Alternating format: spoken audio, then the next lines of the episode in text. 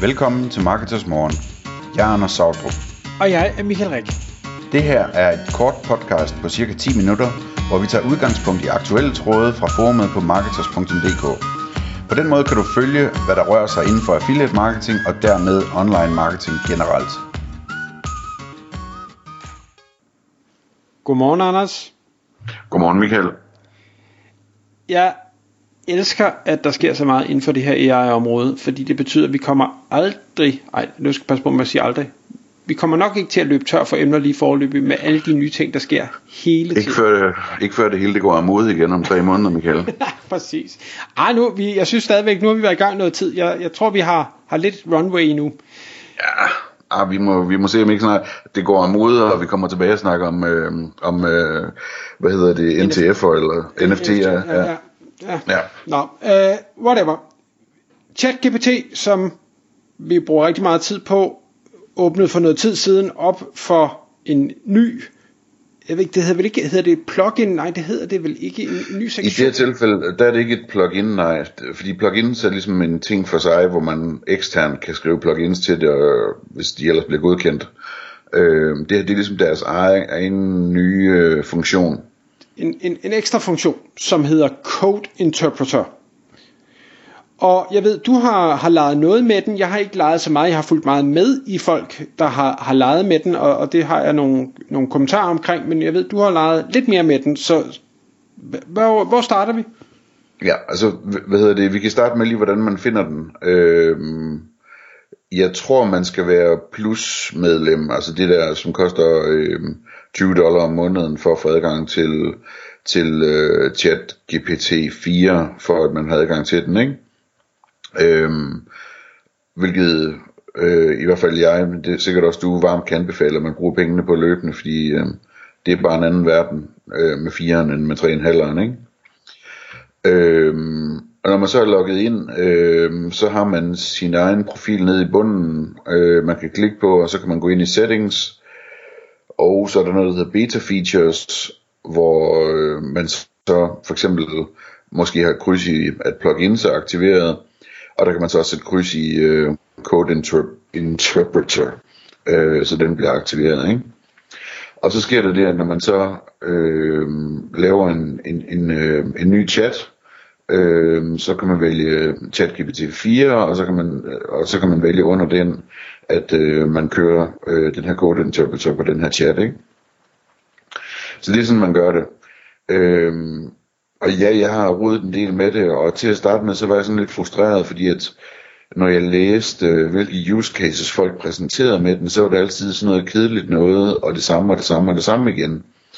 Og jeg kunne ikke helt forstå, hvad det var, der var, øh, hvad, det, hvad det er, den kan, som er så fantastisk. Øh, den måde, det sådan blev præsenteret på, var ligesom, at jamen, øh, nu kan man bare smide nogle datasæt ind, altså et Excel-ark eller en tekstfil med nogle data eller et eller andet, og så kan den lave flotte grafer over det og sådan nogle ting, ikke?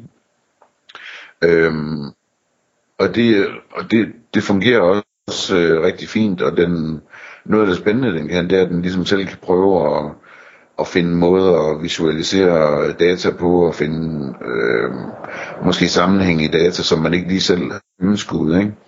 Øh, så den kan få, forplottet nogle grafer, som gør, at de går op for en, at der er noget spændende i det her data, som man ikke selv havde opdaget.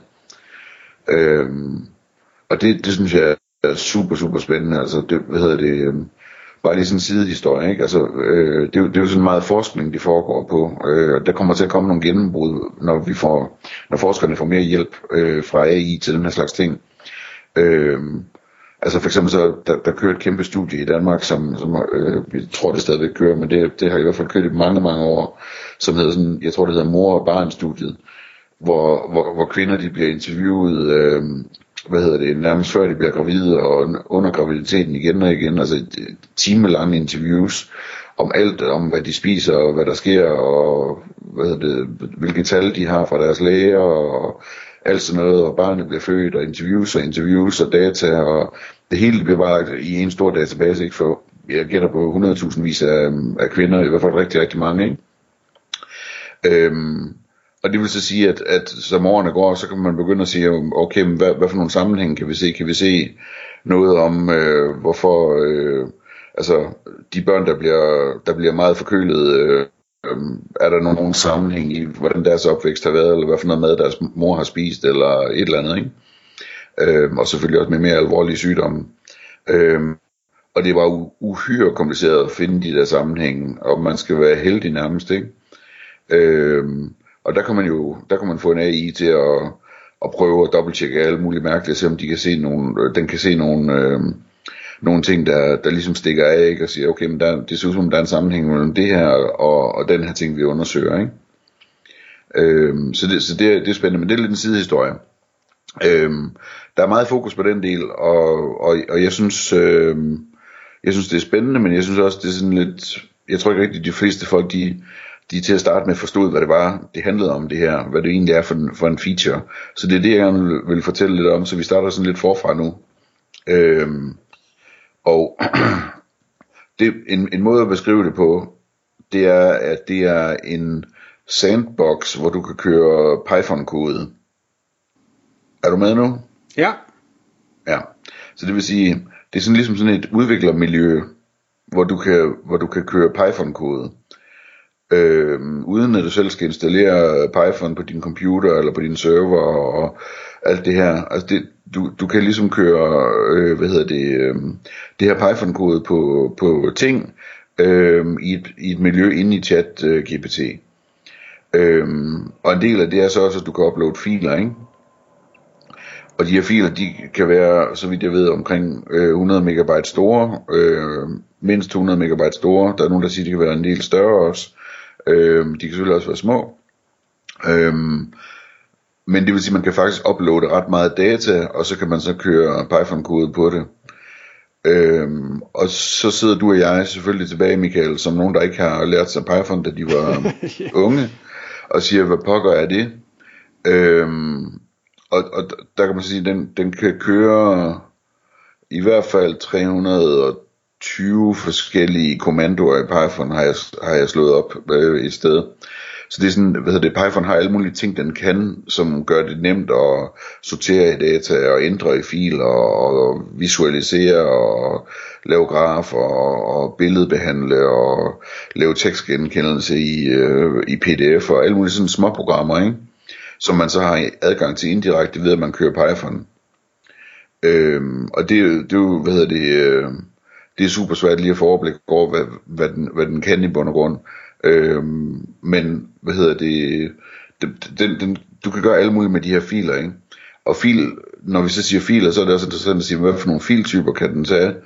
Og der nogle af dem, der nævnes ikke, jamen det er øh, tekstfiler, kommaseparerede filer, øh, JSON-filer, Word-filer, øh, Open Document Text, det er det samme nærmest ikke, og, og RTF-filer. Så kan man tage billedfiler, JPG, PNG, Bitmap, TIFF, og så videre. Øh, der står hele tiden og så videre, når de præsenterer det, så den kan tage mange, ikke?